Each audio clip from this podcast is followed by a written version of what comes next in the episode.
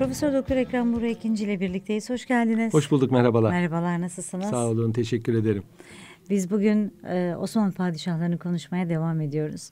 Takipçilerimizin, dinleyicilerimizin de ilgisini çeken bir konu oldu. Zannediyorum biraz o kuruluş dönemini, o, o ruhu, o heyecanı merak ediyorlarmış dinleyicilerimiz. Evet yani e, 36 padişah var. Her birinin ayrı bir değeri var ama Osmanlı Devleti'nin kuruluşunda rol oynamış olanların her birinin ayrı bir e, hikayesi ve enteresan bir hikayesi var. Bir de bu mevzular çok iyi bilinmediği için kafa karışıklıkları çok fazla insanlar arasında. Onun için e, bu hususların üzerinde durmakta fayda var. Bu kafa karışıklığını en azından gidermek maksadıyla.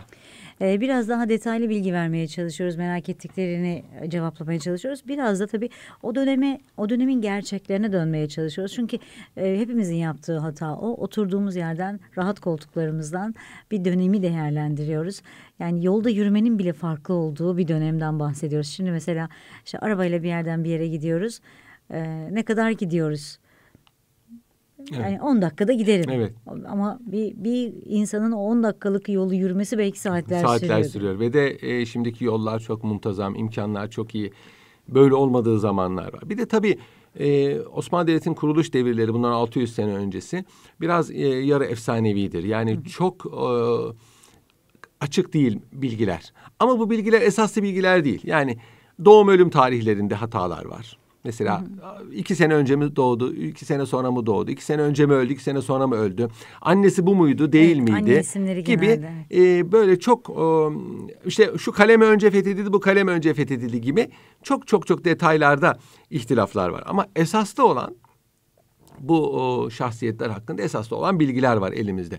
Hatta bazen e, onların hususi yaşantıları ve karakterlerine delalet edecek detay bilgiler de var. Çok enteresan değil mi? Mesela anne ismi bazılarında net olarak belli değil. Doğum ölüm tarihleri arasında Evet. ihtilaflar var.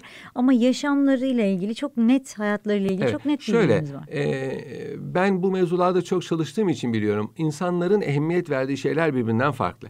Mesela birine birisini sorduğunuz zaman ben gerek aile tarihi gerek folklor araştırmaları yaparken o şahıs hakkında çok detaylı malumat veriyor.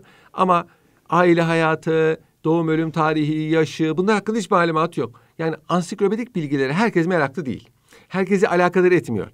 Ee, ben de mesela veya belki mizaç olarak, belki e, kariyerim olarak ansiklopedik bilgilere daha çok emniyet veriyorum. Yani doğum tarihi, doğum yeri, annesinin adı ne, annesi hangi aileden, bu gibi şeyler, detaylar bizim için daha mühim. Ama dediğim gibi insanlar ya bunlara ne gerek var diyorlar. Yani bir, bir annesi var. insanı olarak bakıyorsunuz. Evet, biz biraz akademik bakıyoruz. Onlar onlar biraz daha farklı oluyor.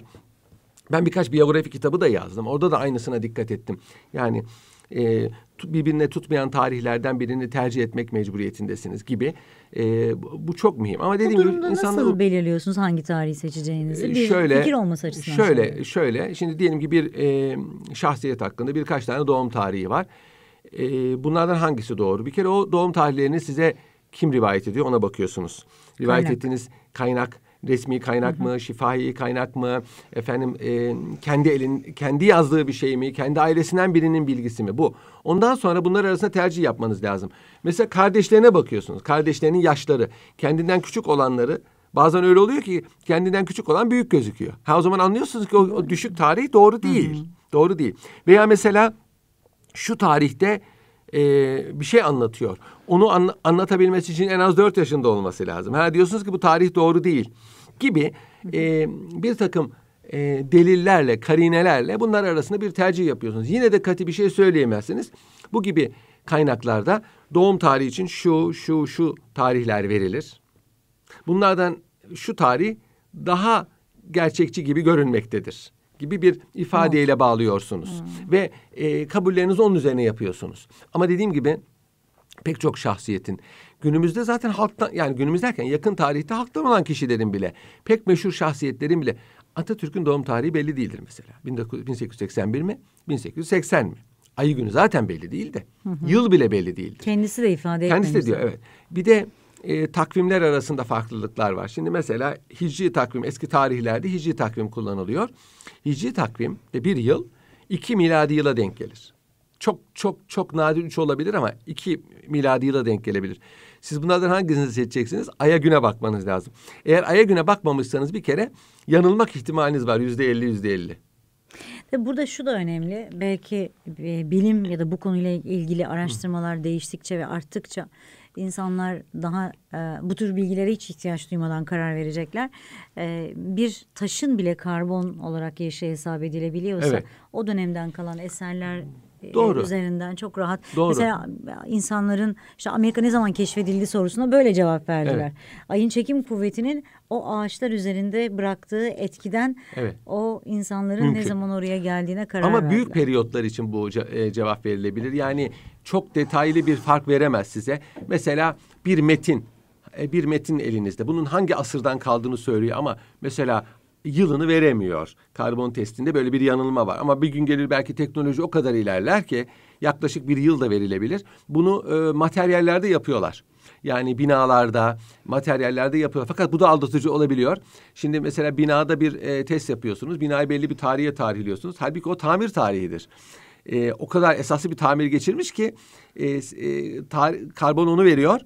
E, daha öncesi bu sefer ihmal ediliyor. Bu biliyorsun insanlık tarihinde çoktur. Yıkılan binalar üzerine aynısından bir daha yapılıyor. Yapılıyor. Evet, bizim coğrafyamızda, Coğrafyamızda da da var. çok evet. var. Çok Bildiğimiz Sultan Murat, pek çok eser. Sultan Murat'ın mesela yaptırdığı camilerin çoğu Bursa zelzesinde yıkıldı. Sultan Abdülhamit tamir ettirdi. İstanbul'da da en İstanbul'da. Fatih Camii kaç kez Fatih yapıldı? Camii, Eyüp Camii yıkıldı ve yeniden yapıldı. Şu andaki Fatih Camii Fatih Sultan Mehmet'ten kalma değildir. Eyüp Camii de e, e, Fatih Sultan Mehmet'ten kalma değildir. Fakat onları yaptıran odur. E, müezzinler e, namaz kıldırırken camimizin banisi Ebul Fetih Muhammed Han Hazretleri'nin de ruhuna Fatih okuyorlar. Benim de içim gidiyor. Ya yanına bir de Sultan II. 3. Mustafa deseler diyorum. Ekleseler değil mi? Çünkü bu evet. Ya, o öyle, ama işte öyledir. E, başlangıç mühimdir. Evet. Yani Temel atmak. sıfırın kıymeti önündeki birden geliyor. Yani bir gel- yoksa o sıfırın ama bir varsak sıfırın çok kıymeti var. Birisi bana sordu Osman Gazi mi Orhan Gazi mi? Ben de bu cevabı verdim. Yani sıfır birin yanında kıymetli. Yani Orhan Gazi ne kadar büyük olursa olsun. isterse babasının yüz misli kıymetli olsun. işi başlatan Osman Gazi'dir. Temel atmak. Binaenaleyh e, bütün faziletler ona ona e, tarihleniyor. Yani o olmasa öbürleri olmayacaktı. Onun için tarihlerde bu başı başı götürenler mühimdir. Daha önce de söylemiştik. Osmanlı hanedanı e, miras yedi bir hanedan değil. Yani hazır bir düzen kurulmuş. E, hanedan e, kesilmiş. Onun yerine hadi gel sen padişah ol demişler. Gitmiş o tahta oturmuş. Memleketi devam ettirmiş. Hayır. Öyle bir hanedan değil. Osmanlı Hanedanı'nın mütefaikiyeti yani emsallerinden üstünlüğü budur. Bir kere Osmanlı Hanedanı bir devlet kuran hanedandır. Devlet kurmuştur. Yani yok iken bir devleti var etmiştir. Onun için Osmanlı Hanedanı'nın ilk kurucularının e, bu işteki hissesi çok büyüktür. Hele tarihçiler diyor ki dünyada hiçbir hanedan yok. Hem bir devlet kursun hem bir vatan kursun. Yani vatanda yok. Olmayan bir vatanda kuruyorsunuz. Yani olan vatanda devlet kurmak daha kolay. Yani bu Rumeli'yi düşünün, Marmara'yı düşünün. Bunlar Türklerin vatanı değildi. Oraları vatan edindiler. Üçüncüsü e, bir teşkilat kurmak. Bir millet meydana getirmek. Yani tarihçiler öyle diyor. Yani bir millet meydana getirdi diyor. Yani Kanuni Sultan Süleyman mesela ordudan bir millet meydana getirmiş bir insandır. Bunlar çok e, tarih kitaplarında Millet geçmez. meydana getirmişlerken Millet şuuru bulunan bir topluluk meydana getirdi. Evet, yani yoksa ırk- Türk milleti- hangi ırkta olursa olsun e, biz aynı millete mensubuz. Bir e, dişlerinin parçaları şuurunda insanlar meydana getirdi. Bu sosyal olabilir, siyasi olabilir, e, manevi olabilir, moral olabilir. Bunu meydana getirdi. Bu e, tabii çok şey e, altyapı istiyor. Yani gerek askeri ve siyasi muvaffakiyetler, gerek teşkilat, gerek sağlam bir sosyal yapı, gerek esaslı bir adalet hayatı bütün bunlar orada biz buranın adamıyız. Biz bu vatanda yaşayan bir topluluğuz. Biz bu devletin vatandaşıyız şeklinde bir şuur meydana getiriyor. vatandaşlık bilincinden Evet, aslında evet, daha çok evet. Ha, bahsediyoruz. eskiden yok muydu? Elbette ki vardı. Osman Gazi zamanında da vardı. Osman Gazi'nin borusunun öttüğü yerlerde yaşayan insanlar kendilerini Osman Gazi'nin tebası biliyorlardı. Başları sıkıştığı zaman Osman Gazi'den yardım istiyorlardı. Türk ya da Müslüman olma Değil, şartı da hayır yok. öyle bir şey yok. Şimdi bunu da bugünkü insanlar anlamıyorlar. Orta çağ ve yeni çağda vatandaşlık için ırk bağlantısı yok. Hatta e, biz Cumhuriyet Anayasası bile ki Cu- Türkiye Cumhuriyeti e, Avrupa'daki misalleri gibi bir ulus devlet olduğu halde yine de diyor ki yani vatandaşlık bağıyla bağlı olanlar Kendini bu bağla bağlı hissedenler Evet, böyledir. bu milletin Ha, bir parçasıdır. Şimdi ı- ırkı zaten söyleyemezsin. Sonra ırkı nereden bileceksiniz? Ama e, bu, bu çok mühimdir. Yani bu aidiyet duygusu çok mühimdir. Biz bunu daha önce de anlatmıştık. Osmanlı Devleti'nin kuruluşunda bu kuruluşun bu kadar sağlam olmasının bir sebebi var. Evet, Osmanlılar bir istila siyaseti takip ediyorlardı. Marmara bölgesinde, Rumeli'de. Yani yayılma. İstiladan kastım yayılma. Bu tabii çok sevimli bir şey değil. Yani istila ettiğiniz zaman oralarda yaşayan insanların da topraklarını istila etmiş oluyorsunuz. Fakat istila var, istila var. Onun için Osmanlılar bu istilaya fethi adını vermişlerdi. Peki işgalle fethin ne farkı var? Daha önce de anlatmıştık. İşgalde bir yeri askeri, siyasi, mali maksatlarla e, elde tutarsınız. Oraya yerleşmek, orayı vatan edinmek öyle bir derdiniz yoktur. Fakat Osmanlıların istilasında bir emniyet hissi elbette ki var. Yani buralara biz e, elimizde tutmalıyız ki bu bizim hayatımızın hayat memat meselesi. Yani bunlar bizim elimizde olmazsa bu topraklar, bu mıntıkalar biz ayakta kalamayız. Çünkü bu tarihi düşmanlıklar var. Gayet tabii bir şey bu. Ama ikincisi Osmanlılar buralarda vatan edinmek istediler. Bunu biz e, en çok Murat Hüdavendigar devrinde görüyoruz. E, Orhan Gazi devri Rumeli'ye geçiş devridir biliyorsunuz.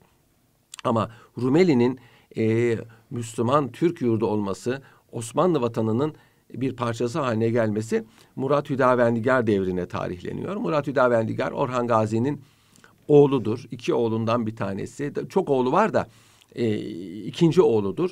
Süleyman Paşa.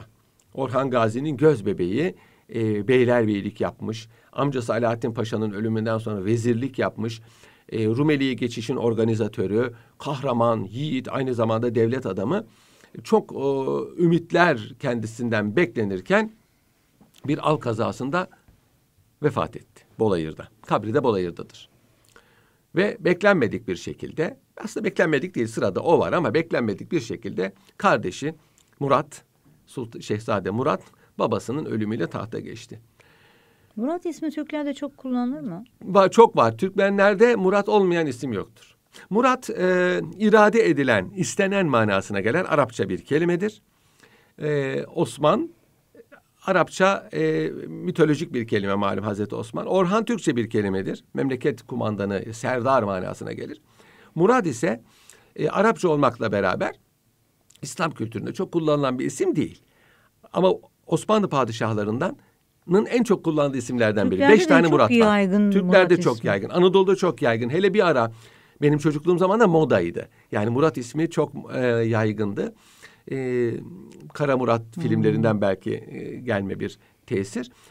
Ama Türkmenistan'da Murat çoktur. Bir yalnız Muratlar vardır. Bir de Kurban Murat gibi işte e, başına bir şey getirip de e, İki isim bir iki arada. isimli temle, tamlamalar çoktur. Sefer Murat gibi. Eski reisi Cumhur Türkmenistan'ın çoktur. Murat Hüdavendigar'ı biz daha çok Murat Hüdavendigar diye anıyoruz. Hiçbir Osmanlı padişahı böyle anılmıyor. Hüdavendigar sahip, emir sahibi manasına gelen Farsça bir kelime. Ee, tarihler onu böyle anmışlar. Ee, Böyle mi yazıyor Böyle hep kitaplar? böyle yazar. Vakalimistler böyle mi Hüdavendigar. Hatta? Bursa vilayetinin ismi Hüdavendigar'dı. Osmanlılar zamanında her vilayetin bir ismi vardı. Bursa'nın ismi Hüdavendigar'dı. Bilecik'in adı Ertuğrul'du. Balıkesir'in ismi Karesi'ydi. Manisa'nın adı Saruhan'dı. Muğla'nın adı Menteşe'ydi. Yani eski beyliklerin isimleri. İsimleri, evet. İsimleri. Her yer böyle değil ama buralar böyleydi. Ee, Hüdavendigar diye anılıyor. Bunun birazdan anlatacağız. Karakteriyle de alakası var. Gazi Hünkar diye bilinir. Ve Murat Hüdavendigar e, ilk defa ve tek olarak savaş meydanında öldürülen, şehit düşen Osmanlı padişahıdır. Seferde ölen padişahlar var. Fatih Sultan Mehmet, Yavuz Sultan Selim, Kanuni Sultan Süleyman seferde öldüler. Ama Murat Hüdavendigar düşman tarafından öldürüldü. E, aynı zamanda. Savaşırken. Savaşırken öldürüldü. E, bu, bu cihetle mühim. E, e, Murat Hüdavendigar'ın böyle bir hususiyeti var. Ve Osmanlı tarihinde adeta evliya mesabesine getirilmiş, evliya olarak tanınan bir hükümdardır. Kerametleri anlatılır. Mesela bir kale kuşatması uzayınca şu yıkılası kale bir türlü fetho- fetholunmadı gitti der demez kalenin bir duvarının şakır şakır şakır şakır döküldüğünü bütün tarih kitapları anlatıyor. Yine bir av merasiminde e, Şahin'le avlanırlar. Serkeşlik yapıyor Şahin. Yani bir türlü koluna gelmiyor, ava gitmiyor. Gidiyor bir e, dama konuyor. Taş ol inşallah diyor ve Şahin taş oluyor. Bugün Bursa'da buna benzer bir binanın kenarında bir çıkıntı var. Bu çıkıntının işte o Şahin olduğunu anlatıyor. Bunlar, bunlar birer menkıbe. Menkıbeler mühim değil, doğrudur veya yanlıştır. Bunun anlatılması Sultan Murat Hüdavendigar'a e, Osmanlı tarihinde verilen e, mevkiyi gösteriyor. Şehit olmuş, kaza meydanında şehit olmuş. Yani harpten önce de dua etmiş. Ya Rabbi demiş yani bu çetin bir harp. Gerekirse beni kurban et bu millete. Ben öleyim, bu harp kaybedilmesin. Kazanılsın. Evet kazanılsın diye dua ettiği çok meşhurdur. Hakikaten harp bitti. Harp sırasında değil. Harp bittikten sonra e, Sırp kralının damadı olan e, Sırp soylusu Miloš Obilić veya Miloš Kobilić e, yaralanmış. E, bir şey arz etmek için müsaade istiyor. Padişahın huzuruna çıkıyor ve e, e, yeninde sakladığı hançerle padişahı öldürüyor. Bir iyi niyet. Evet. İyi niyet göstermiş. iyi niyet Kabul göstermiş. etmeyebilir Kabul orada. etmeyebilirdi veya hadi lan o, o, iş o, o harp olmuş bitmiş zaten diyebilirdi. Dememiş. Dememiş. Ee, padişah orada kısa bir müddet sonra şehit oldu. Yaşı da az değildi. 63 yaşındaydı. Miloš Obilić e, oraya geçici olarak defnedildi Murat Hüdavendigar. E, Kosova sahrasında.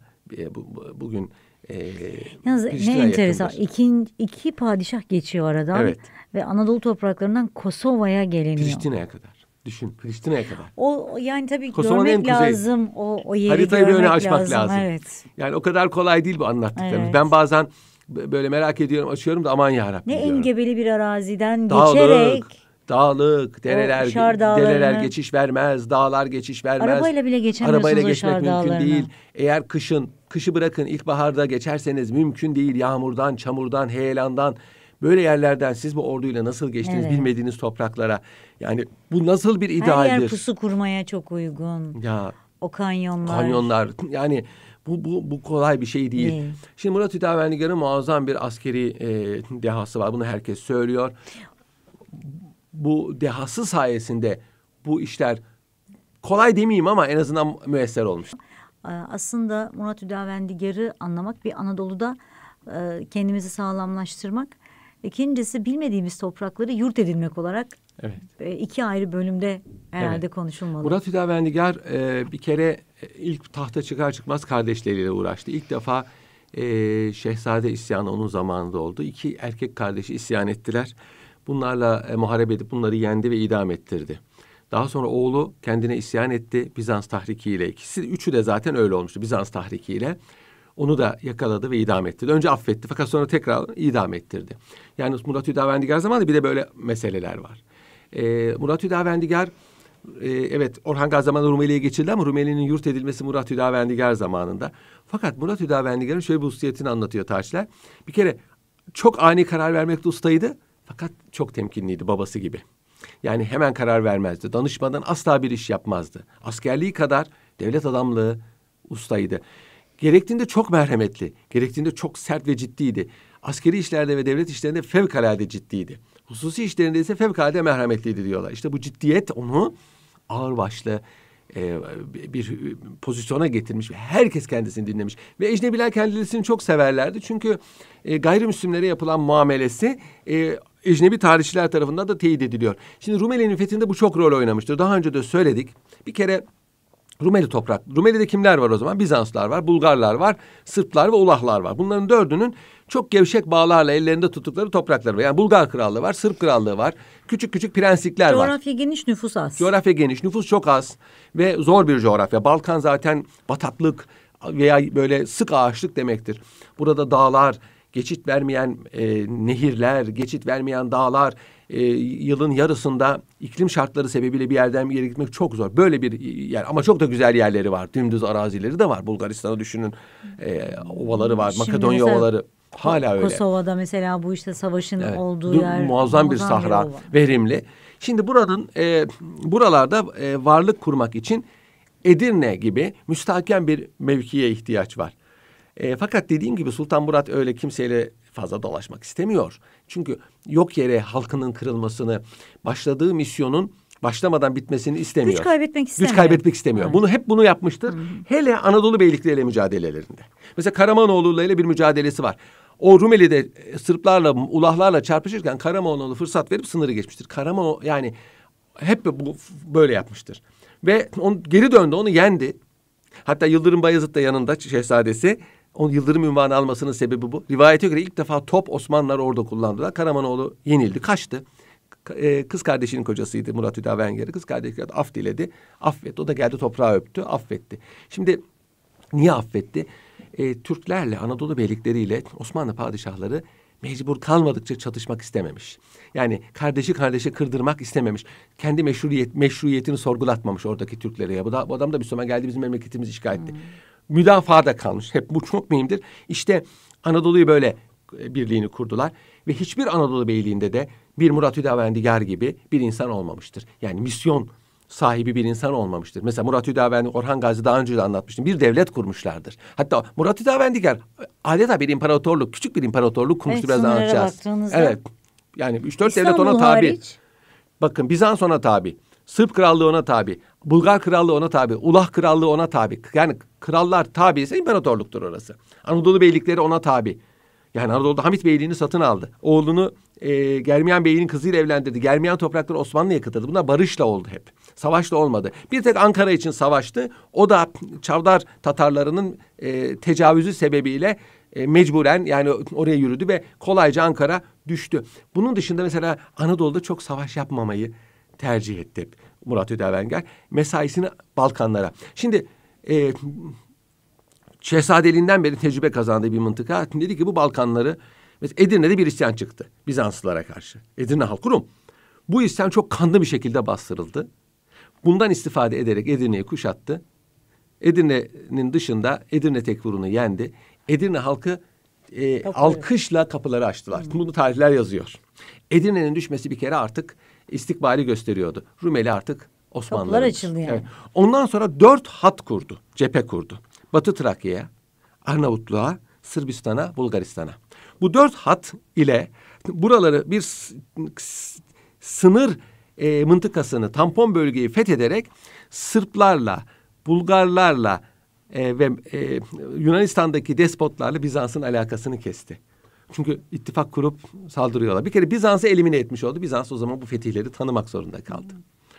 Tabii e, Balkan devletleri haklı olarak bunu kabul etmediler.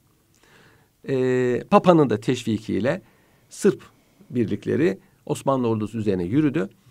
Bir keşif kuvveti Hacı İlbey adında bir kumandanın kumandasındaki keşif birliği bir gece baskınıyla Sırp ordusunu darmadağın etti. Edirne yakınlarında Sırp sındığı savaşı derler buna.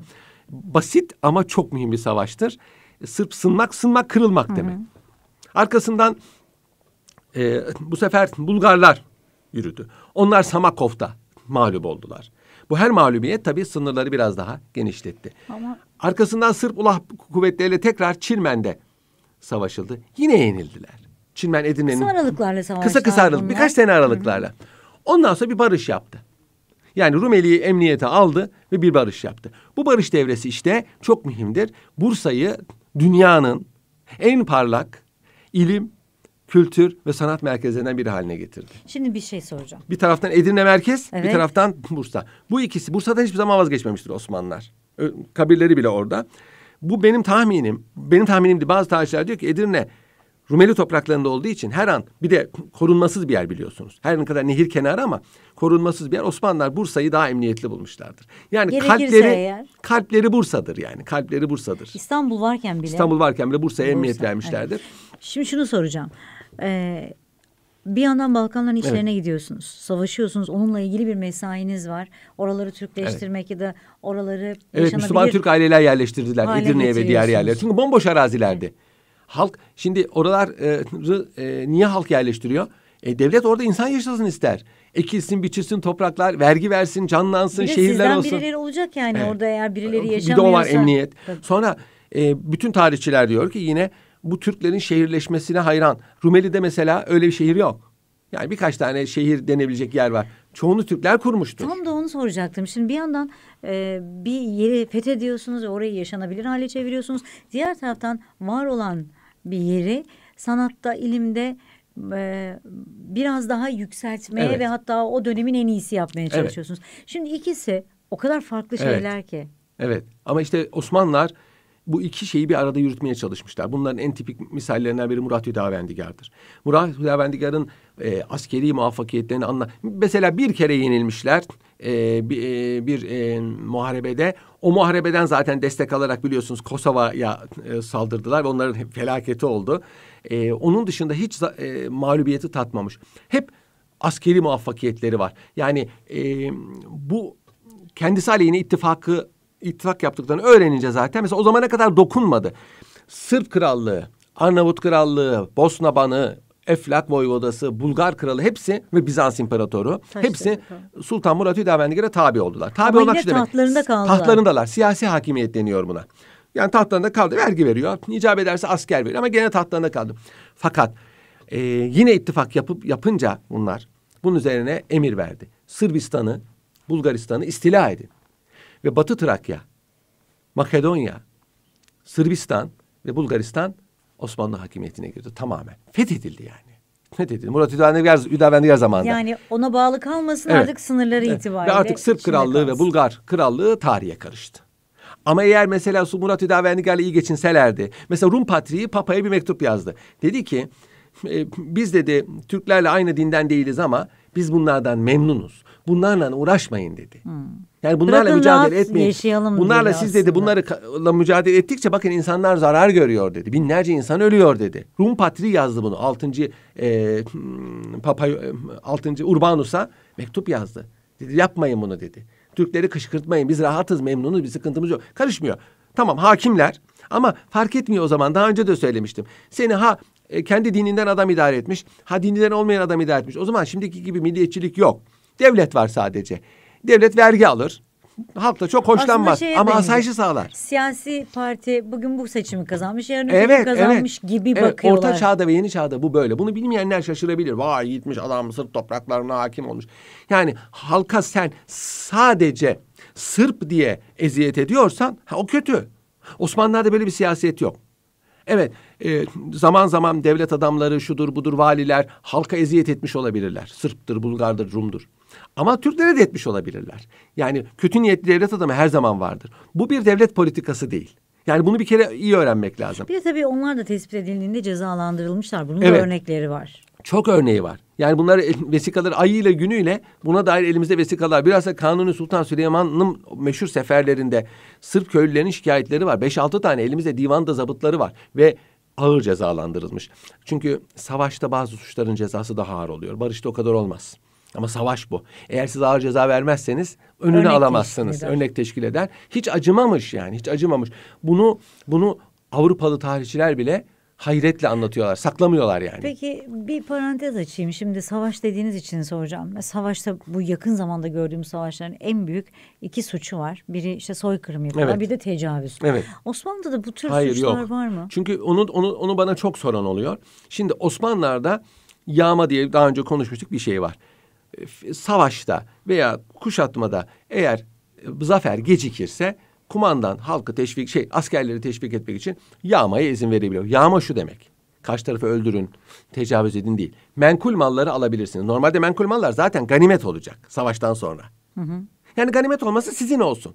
Önceden. Yani ganimet olunca belli bir miktar pay alacak. Evet. Ama sen git oradan beğendiğini ha. ya da işte yükte ha. hafif pahada evet. dediğimiz şeyi Bu, al. Bunun dışında mesela e, esirlerin öldürüldüğü olabiliyor. Yani biliyorsun savaş e, hukukunda bazen e, muhariplerin öldürüldüğü olmuş. Bu Osmanlı tarihinde çok nadirdir. Çok nadirdir. Ama onlarda daha fazla var karşı tarafta. Daha fazla var yani o, o ayrı bir şey. Şimdi e, tecavüze dair hiçbir şey rastlamıyorsun. Diyeceksiniz ki olur mu ya asker gider de yani tecavüz etmez mi? Şimdi şöyle bir durum var. Evet yani asker, genç erkekler gidecekler. Savaştıkları yerde kadınlar Aynen. bulacaklar. Bunlara saldırmayacaklar. Şimdi yalnız Yeniçerilerin nasıl yetiştirildiğini bilmeyenler bunu söyleyebilirler. Yani bugünkü askerler gibi düşünmemelidir Yeniçerileri. Yeniçeriler sadece orduyu alıp talim yaptıran insanlar değil. Onlara muazzam bir otokontrol e, empoze ediliyor. Aç kaldığı zaman nasıl hareket edecek? Şiddetli soğukta nasıl hareket edecek? Sıcakta nasıl hareket edecek? Uzun yürüyüşler, kadınsızlık. Bunların hepsine karşı onlarda bir otokontrol meydana getiriliyor. Şimdiki uzman askerler gibi değil mi? Evet, Biraz daha hani evet. Bunu bilmeyen insanlar Yeniçeri deyince pala bıyıklı eline kılıcan vurduğunu deviren öyle değil. O işte Osmanlı'yı Osmanlı yapan bu. Bir ordu kurmuş ama bu ordusunu belli kaideler içinde yetiştirmiş. Askerleri yetiştirmiş. Sonra askerler uzun süreli gittikleri zaman orada bir aile kurabiliyorlar. Evet genç askerler değil belki, belki ama subaylar. Zaten e, o bölgenin Türkleşmesinde de çok önemli bir faktör bu Faktör, oradaki evet. askerlerin a- askerlerin yerli halkla evlenmesi. muameleleri. Kadınlarla. Şimdi sonra e, bir de şöyle bir durum var. Yani bunun hilafına hareket edenlere ta- e, tolerans gösterilmiyor. Mesela Timur'a diyorlar ki senin askerlerin çok zalim. Evet diyor ama ben onlara diyor ceza verirsem savaşmazlar diyor. Göz yummak lazım askerlere. Da, askerleri hoş tutmak lazım diyor. Yani hoş tutmaktan kastı hoş işledikleri suçları gö- görmezden gelmek demek. Osmanlılar'da böyle yapılmamış işte. Gene askerini hoş tutmuş. iyi para vermiş, iyi yedirmiş askerini. Neyle, onur ne- etmiş. neden hoşlandığıyla alakalı Evet, belki. evet ama ama asla suç işlemesine göz yummamış. Yani bunu ben söylemiyorum. Ee, ben et- etnosantrik birisi de değilim. Ama bunu yabancı tarihçiler de söylüyor. Hadi Türk tarihçileri söylese canım yaygara yapıyorsunuz derler. Bunu Avrupalı tarihçiler de ki bunların içinde çok da öyle Osmanlılara karşı Hammer gibi, Sen- Yorga gibi çok da sempati duymayan hatta Dimitri Kantemir gibi bunlar bile bunu e, Başarının söylüyorlar. sırrı da bu ama bence Evet. Ekrem Bey. Yani o ordudaki birlik, disiplin, kendini kontrol edebilme duygusu ve bununla gurur duymak. Evet, evet. Yani adam bun, bundan yani bunu yapabilmiş olmaktan dolayı kendini üstün görüyor. Ben diyor bu kadar kadının arasında kendime sahip çıktım. Bu, bu nasıl bir kadın için bir başarıysa erkek Şimdi için de böyle bir başarı. insanlar var. Yani şimdi yok mu böyle insanlar? Yani e, kendine hakim olan yani herkes başkasının karısına kızına saldırıyor mu? Ya herkes başkasının malına tecavüz ediyor mu? Yani bugün böyle kendi kendine böyle olan pek çok insan var. Yani şimdi suç işleyenler var ama suç işlemeyen insanları da biraz e, onore etmek lazım. Dünyada böyle insanlar var. E bu E, çevremizde de var çok çok var. şükür. Çok şükür. E şimdi bu bir devlet politikasıysa askerlerini yetiştirme bunu niçin yadırgıyorsunuz? Niye bugünkü Amerikan askerleri gibi düşünüyorsunuz? Yani vurduğunu devirecek. Öyle bir öyle bir şey yok. Amerikan askerleri toplamadır. Bugünün zamanında insanları bir hedefe kitlemek kolay değildir. Onun için bazı şeylere göz yummanız lazım. Ama eskiden öyle değil. Bunlara bir ideal aşılanıyor. Bunlarda bir ideal var. Öyle veya böyle. Siz beğenirsiniz, beğenmezsiniz. Bu askerlerin bir ideali var. Bu ideal bunlara empoze edilmiş ve bunlar çok sıkı kontrol edilmiş. Sadece bunlar değil, bunların başındaki amirler de padişah ve hükümet tarafından çok sıkı kontrol edilmiş ve en ufak bir hataları affedilmemiş. Affedilmemiş. Şimdi böyle bir ortamda bunu söylemek çok kolay, çok kolay değildir. Bir de tabii şöyle düşünelim. Ee, karşılaştıkları topraklarda yani tabii orada da e, daha mutasip yaşayanlar var ama sizinle aynı dinden olmayan ve daha rahat giyinen, daha rahat Tabii, gezen tabii. kadınlar var. Öyle. Dolayısıyla hani burada böyle bir akıl karışıklığı yaşanmış olsa da söylediğiniz gibi bu askerlerin Tabii. oraya gitme hedefleri Bambaşka. a- anlamları kendilerine yükledikleri misyon, Evet. görev çok farklı. Şimdi dediğim gibi Osmanlılar orayı vatan edinmek istiyorlar. Oraya yerleşmek istiyorlar. Yerleşmek istediği bir yerde siz halkı öldürürseniz, kadınlarını kızlarına tecavüz ederseniz orada siz yerleşemezsiniz. Yerleşirsiniz de sömürge gibi olur.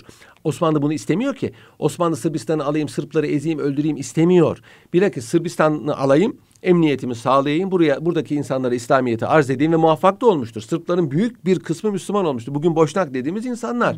Makedonların büyük bir kısmı Müslüman olmuştur. Torbeş veya Pomak dediğimiz insanlar. Bulgaristan'da keza Arnavutluğun yüzde yetmişi Müslüman olmuştu bu Mesela şimdi- sayede. Şimdi neden mesela Müslümanlara bakıp da e, Müslüman olanların sayısı çok değil? Bugün Müslümanların Müslümanlara bakıp da dininde kalması bile büyük bir muvaffakiyettir. Bugün Müslümanların. Bırakın Müslüman olmayı. Şu Müslümanların haline bakarak.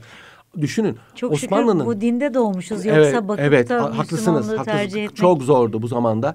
Osmanlı'nın misyonu İslamiyet'i yaymak. İslam Müslüman yapmak değil, yaymak. Bunda muvaffak olmuş mu? Olmuş. Bunu yaparken siz halkı öldürürseniz yapamazsınız. Bu bir kere ideallerle alakalı. İkincisi biraz evvel söylediğim gibi size nüfus lazım. Nüfusunuz zaten az. Halkı küstürürseniz, öldürürseniz o nüfus size faydalı olmaz. O zaman orayı fethetmenizin bir esprisi kalmaz. Ya da alttan alttan sizin aleyhinize çalışmasına Çalışırlar. Çalışmadılar. Enteresandır. Sırplar ve Bulgarlar vatanlarını Osmanlılara kaptırmamak için can siparhane çalış çarpıştılar. Bir- Pek çok harp anlattım. Sultan Murat zamanında 3-4 tane. inşallah devam Gene devam ederiz. Hı hı. Buna rağmen 500 sene Osmanlıların hakimiyetinde yaşadılar. Tamam evet Osmanlı güçlüydü. Bunlar değildi ama hiçbir isyan olmadı. Ne zaman isyan oldu? 1820'lerde. Nedir o isyan? Fransa ihtilalinin milliyetçilik e, e, e, cereyanının tesirleridir. Ve o isyanı uzun anlatılırsa sadece Osmanlılara karşı değil aslında Rum ruhbanına karşı olduğu, o isyanı sadece belli insanların çıkarttığı, o isyanın sebeplerinden mahalli idarecilerin yanlış politikalarının olduğunu da biliyoruz. Yani Sırplar topyekün e, o, asırlarca Osmanlı düşmanı olmadılar. Sevmediler belki. Ama, Ama hiçbir beraber- zaman düşman olmadılar. Beraber yaşadılar. Yaşadılar. Bulgarlar için de bu böyle, Bunu- Romenler bunu için o de böyle. coğrafyaya gidip bir kez turistik Evet. amaçla gidip o mahallelerde, sokaklarda gezerek çok daha iyi anlarlar. Biraz görmek Belgrad bir. Türk şehridir. Halbuki Türk şehri değil. Macar şehriydi daha evvel. Herkes diyor ki Belgrad'ı Belgrad yapan Türkler olmuştur. Çünkü şehirler harap. Çeşitli sebeplerle. Bosna'daki şehirlerin çoğu, Makedonya'daki şehirlerin çoğu, Arnavutluk'taki şehir hep Türk damgası. Yani şehirleşme biliyorsun Şehirleşmeyi, Türklerde evet, ta Selçuklardan gelme onlar Ve öğretmiştir. hepsi de bir Bursa gibidir baktığınızda. bütün Çünkü Rumeli, örneklenmiş bütün o. Rumeli şehirlerinin Öyle. esası Bursa'ya benzer. Evet hepsi ona benzer. Evet. İnşallah haftaya devam İnşallah. edelim. Çok teşekkür ediyorum.